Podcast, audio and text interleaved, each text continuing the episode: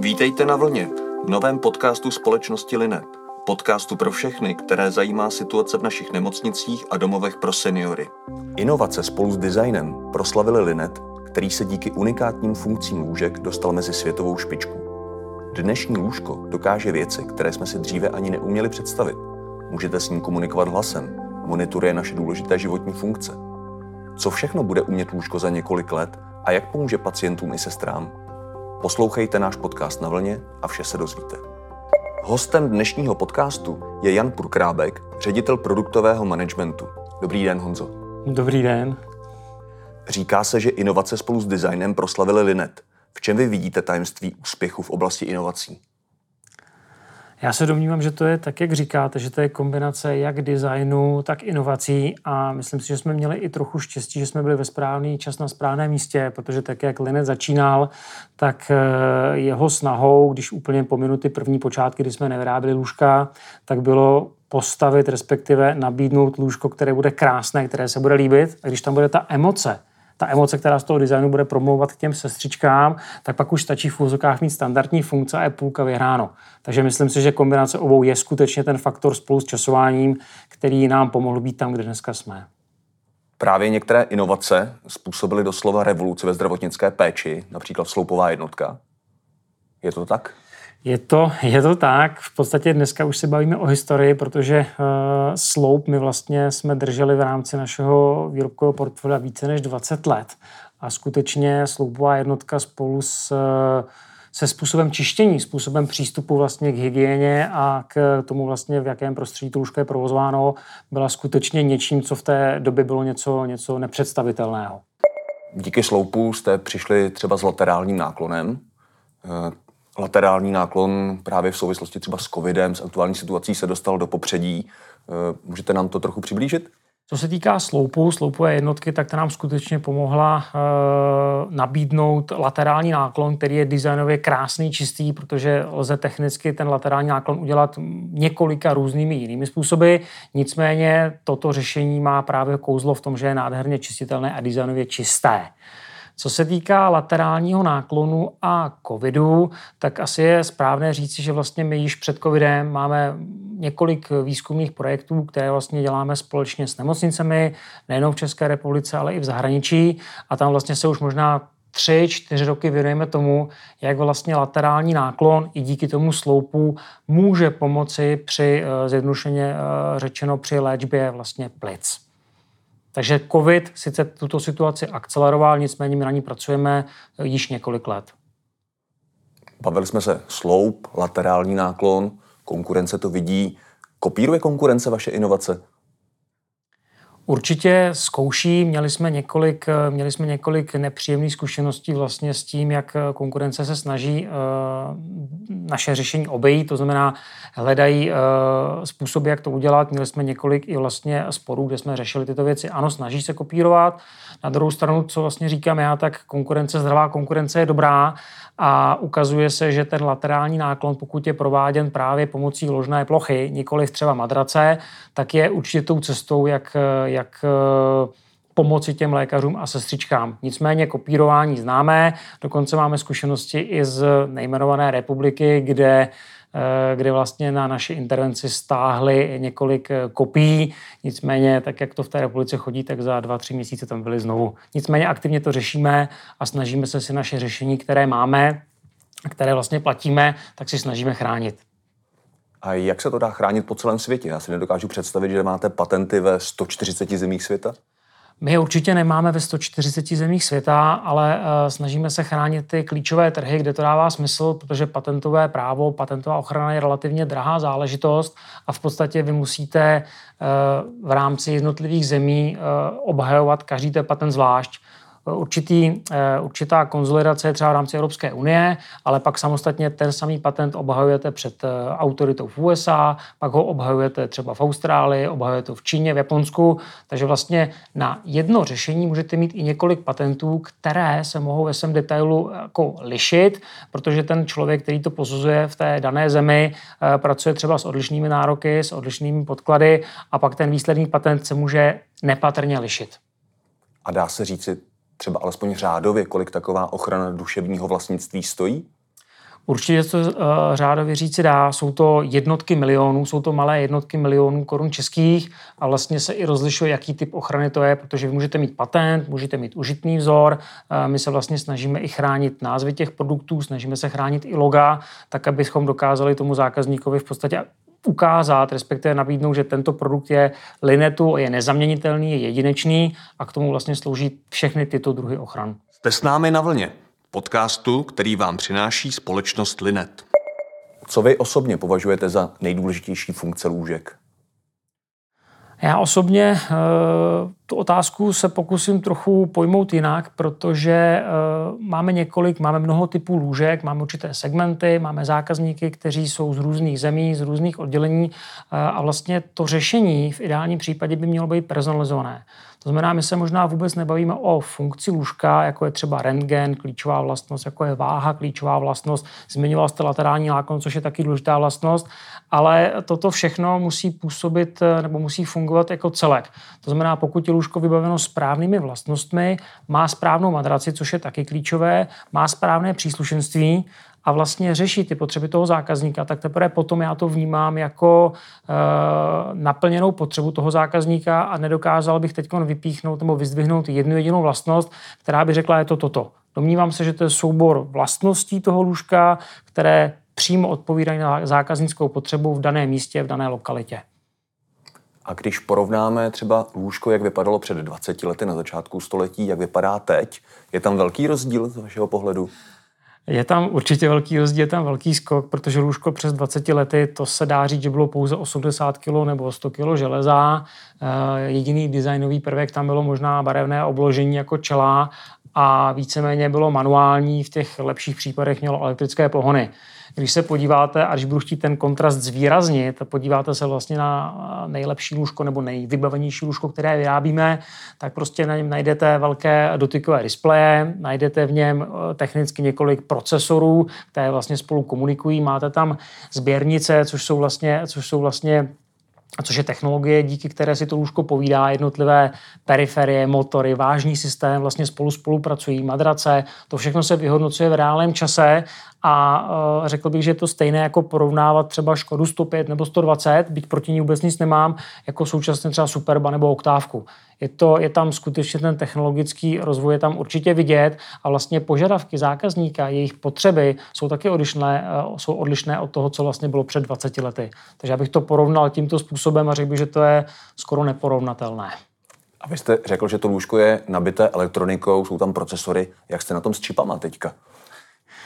Nám se daří, měl bych to někam zaklepat, nám se daří vlastně i po celou dobu covidu uh, udržet ten náš uh, tok materiálu, včetně logistických procesů, vlastně i logistických procesů našich dodavatelů pod kontrolou tak, že jsme schopni vyrábět. Takže uh, jsem v podstatě velmi vděčný za to, že se nám daří i v rámci covidu, kdy vidíme, že automobilky zastavují výrobu, v podstatě se nedaří sem dostávat zboží vlastně z východu. Nejsou kontejnery, vlastně britský přístav je zablokovaný, tam jsou prázdné kontejnery a plné, které nemá kdo vyložit. Takže nám se to daří, my čipy máme a věřím tomu, že ještě nějakou dobu s nimi dokážeme takto pracovat. Samozřejmě nedokážeme predikovat, nevidíme, eh, nemáme křišťálovou koule, nevidíme, co se stane za půl roku, nicméně už dnes se snažíme přezásobit na to, co bude prostě eh, na jaře příštího roku. A pojďme se tou křišťálovou koulí podívat o 20 let dopředu. Jak bude vypadat lůžko za 20 let podle vás? Kam směřuje ten vývoj? Tak já začnu od konce, kam směřuje vývoj, protože si netroufám tvrdit, jak by bude lůžko vypadat za 20 let, protože kdybyste se mě před 20 lety zeptal, jestli se domnívám, že je reálné, že lůžko bude komunikovat, že bude napojitelné do internetu, tak vám řeknu, jestli, uh, jestli to myslíte vážně. Takže uh, to, co vnímáme my a vlastně tu uh, ten vývoj, já čerpám z toho, že se bavím hodně s doktory, bavím se hodně se sestrami vlastně po celém světě a ten vývoj vnímáme v několika směrech. Ten první je vlastně, my tomu říkáme, eh, zákaznické rozhraní user interface, kde vlastně je maximální snaha o to, co, co nejvíc to zjednodušit. Znáte to z telefonu, znáte to z praček, kde vlastně nechcete přemýšlet, v ideálním případě chcete najít jedno tlačítko, pokud ten produkt za vás nevyřeší to, na co myslíte, což je značka Ideál. Jo, v podstatě dneska to vidíte ve smart, eh, eh, ve smart home, kde vlastně, když přijíždíte domů autem, tak chcete, aby vás brána rozpoznala, otevřela vám bránu, máte nějaké návyky, to znamená, chcete, aby se vám za tři minuty odemkly dveře, chcete, aby se vám rozsvítilo v předsíni v ideálním případě a chcete, aby se tam dvě hodiny předtím topilo, což je dneska naprosto běžná věc. A když se podívám na naše produkty, tak v podstatě ten trend je podobný. Vnímáme relativně úbytek personálu, sestřiček eh, a vnímáme, že i vlastně kvalifikace těch sestřiček, respektive to, co všechno oni mají na starost, tak je toho čím dál tím víc, je to čím dál tím složitější. Takže cesta, jak by ten produkt do budoucna měla vypadat, měl vypadat, je zjednodušovat je zjednodušovat a snažit se předjímat jejich potřeby, samozřejmě bavit se s nimi, abychom je znali, ale snažit se je řešit ještě předtím, než nastanou a pokud nastanou, tak aby je dokázali velmi jednoduše a hlavně rychle a bezpečně eh, vykonat. Jakoby jeden směr. Ten druhý, který je technologický, tak ten vnímám, eh, ten vnímám i z pohledu toho, že čím dál tím slyšíme o umělé inteligenci, slyšíme vlastně o strojovém učení. Dneska ve zdravotnictví jsou vlastně první produkty, prototypy, které sázejí na to, že se kombinuje eh, lékař, kombinuje se názor strojového učení, který vlastně za ten eh, průběh toho života vidí mnohonásobně víc, než je ten jeden doktor schopen vidět a dokáže porovnávat. Určitě nejsme dneska ve stavu, kdybychom se dokázali 100% na tu umělou inteligenci spolehnout nebo na strojové učení, ale rozhodně eh, Některé výsledky ukazují, že to, ta kombinace toho lidského faktoru a toho strojoučení rozhodně dává smysl v tom být eh, přesnější té medikaci nebo v té, v té předpovědi, jak to bude vyjet dál. Takže v technologiích rozhodně věřím v to, že mnohem a mnohem více inteligence bude v těch produktech, mnohem a mnohem více těch, těch věcí se bude vlastně decentralizovat. To znamená, Eh, to rozhodování vlastně už nebudete muset chodit tomu doktorovi, a nebo to rozhodnutí nebude, nebude uděláno přímo s vámi, ale budete mít někoho na tabletu, jako telemedicínu, nebo někoho budete mít, kdo se s vámi spojí vzdáleně a data, která se o vás nazbírala, bude mít ten člověk k dispozici a bude schopen a ochoten vlastně uh, okamžitě vyhodnotit, aniž by vás třeba viděl u těch základních věcí. Já si moc dobře nedokážu představit umělá inteligence, a teď to řeknu ošklivě, postel. Jak to spolu jde dohromady? Velmi, velmi, protože, eh, protože vlastně, když člověk leží na lůžku, tak je to čas, který tam musí strávit. Když jste v nemocnici, tak ležíte.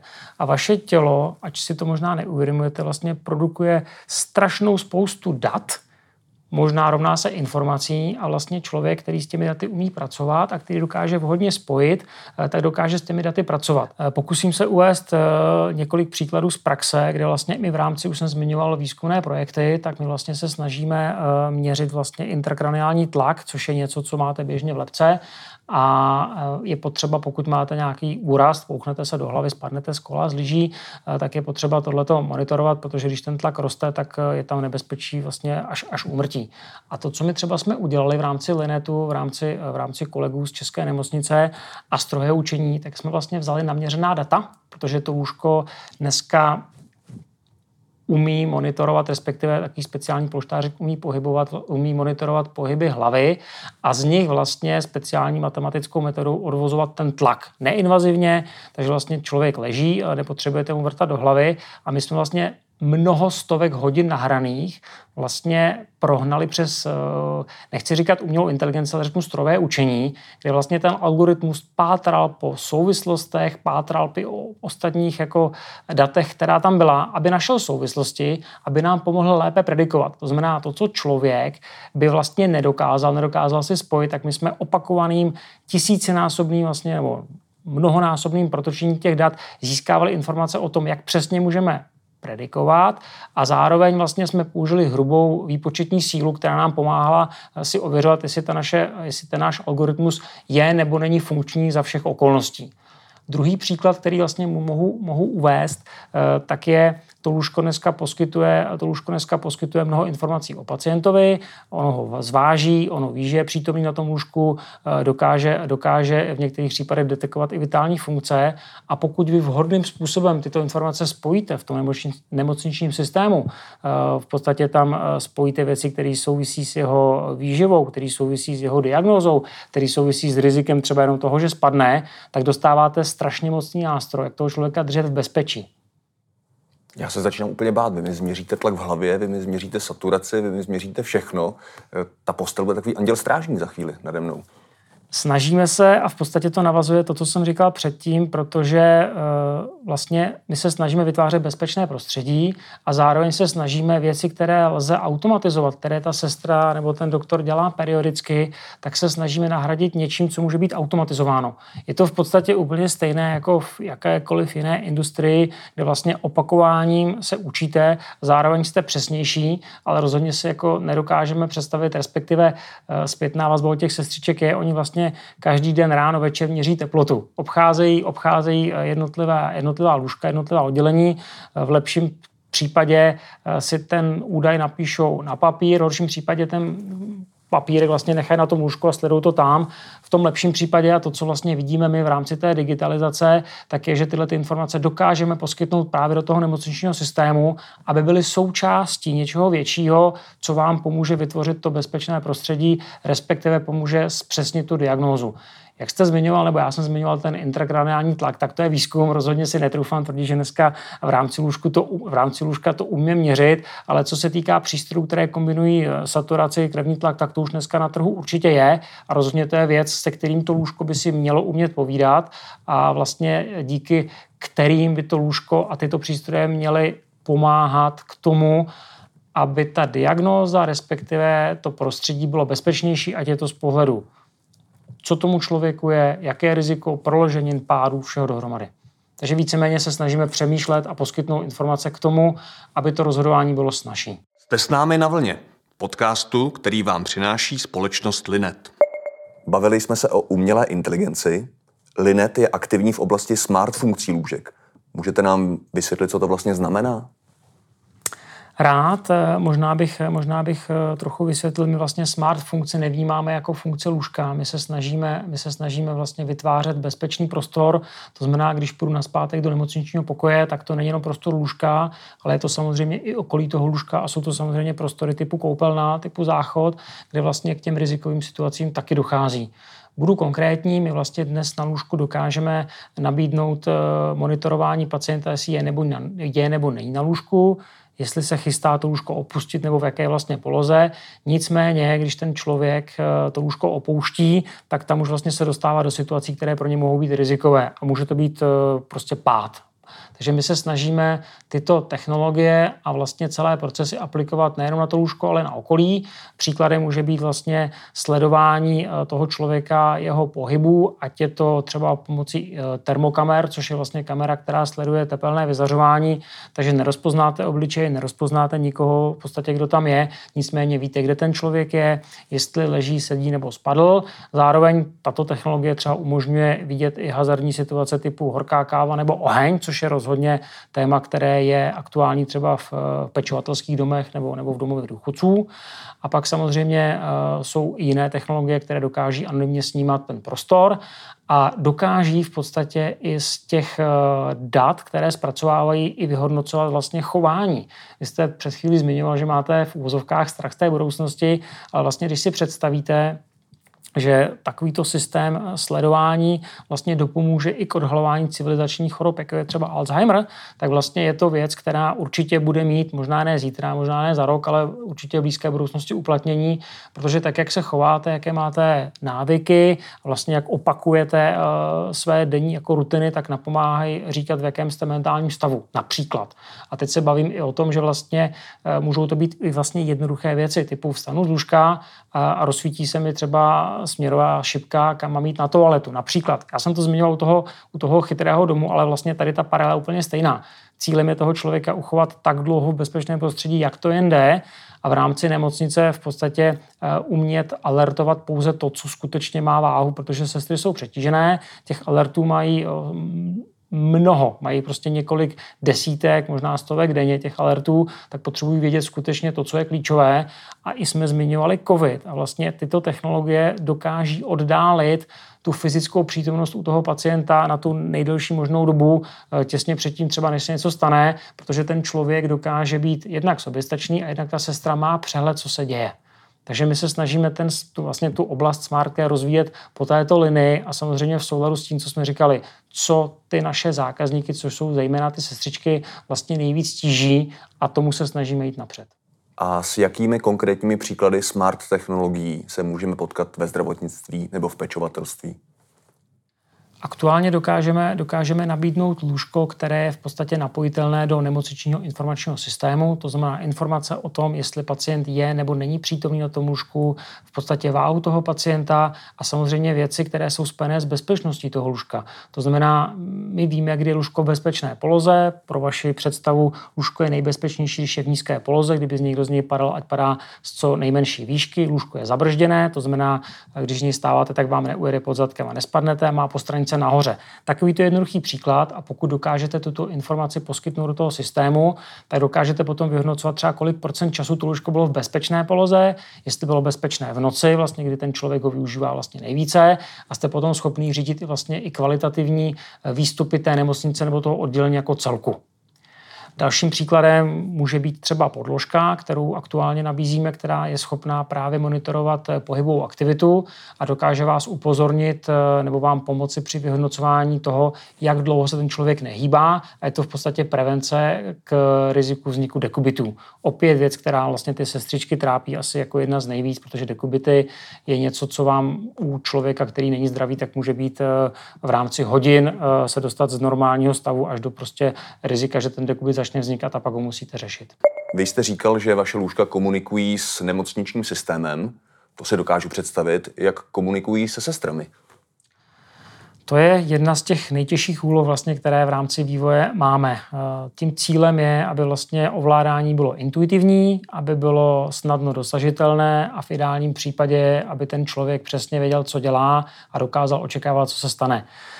V rámci i výzkumu máme, máme jedno lůžko, které vlastně lze ovládat hlasem. Ta primární myšlenka byla poskytnout nebo nabídnout něco lidem, kteří vlastně nemají tu šanci si, si to lůžko ovládat. V tomto případě jsou to vlastně kvadruplegici, kteří díky tomu, aby dokázali být soběstační, tak vlastně chtějí si eh, určité funkce na tom lůžku vlastně napolovat sami.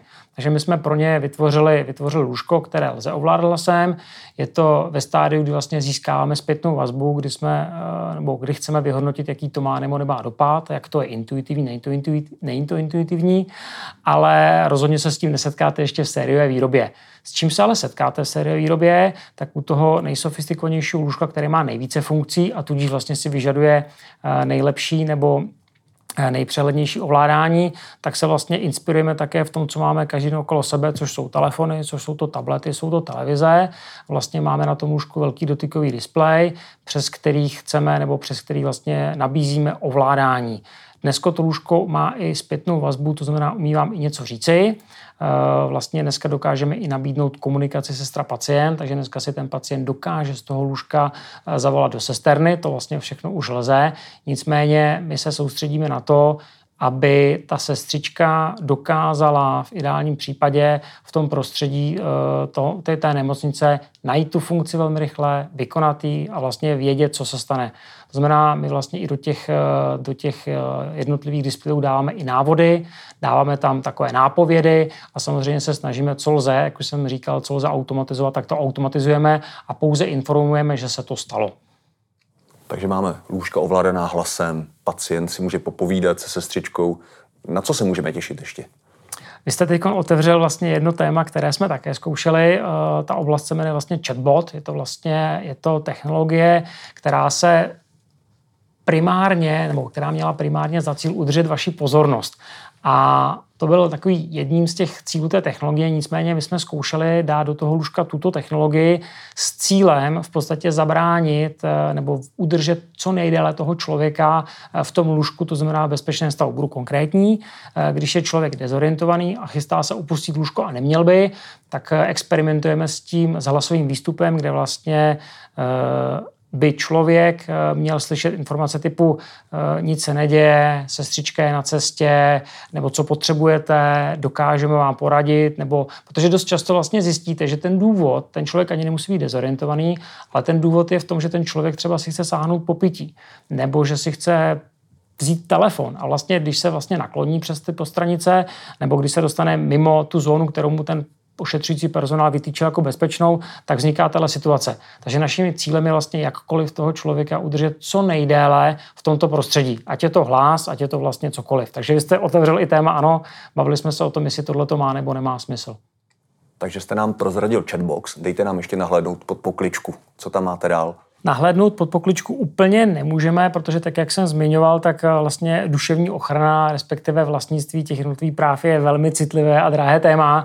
Nicméně, co bych chtěl uh, vyzdvihnout, tak je vlastně, že my se snažíme, budeme nabízet naše lůžka vlastně s možností uh, individualizace potisku. To znamená, tak jak vnímáme, že třeba na jednotkách intenzivní péče nebo na dětských jednotkách jsou třeba dětské výkresy, nebo máte různé krásné malování na stropě, tak vlastně my se budeme snažit nabídnout toto na lůžka, takže vlastně každé lůžko může být eh, buď, eh, buď eh, vybavené něčím veselým, nějakým potiskem na těch plastových dílech, anebo naopak může se hlásit k příslušnosti k určitému oddělení. Nicméně tím cílem by taky mohlo být trochu rozveselit a trochu tu atmosféru a náladu vlastně zpříjemnit i tím nemocničním lůžkem. Takže se vracíme zase zpátky k těm základům a ke kořenům. Design a inovace, to jsou pilíře, na kterých Linet stojí. Přesně jak říkáte. Takový byl dnešní díl podcastu Na vlně. Trochu pod pokličku i trochu do budoucnosti jsme nahlédli s Janem Purkrápkem. Já vám děkuji za příjemné povídání.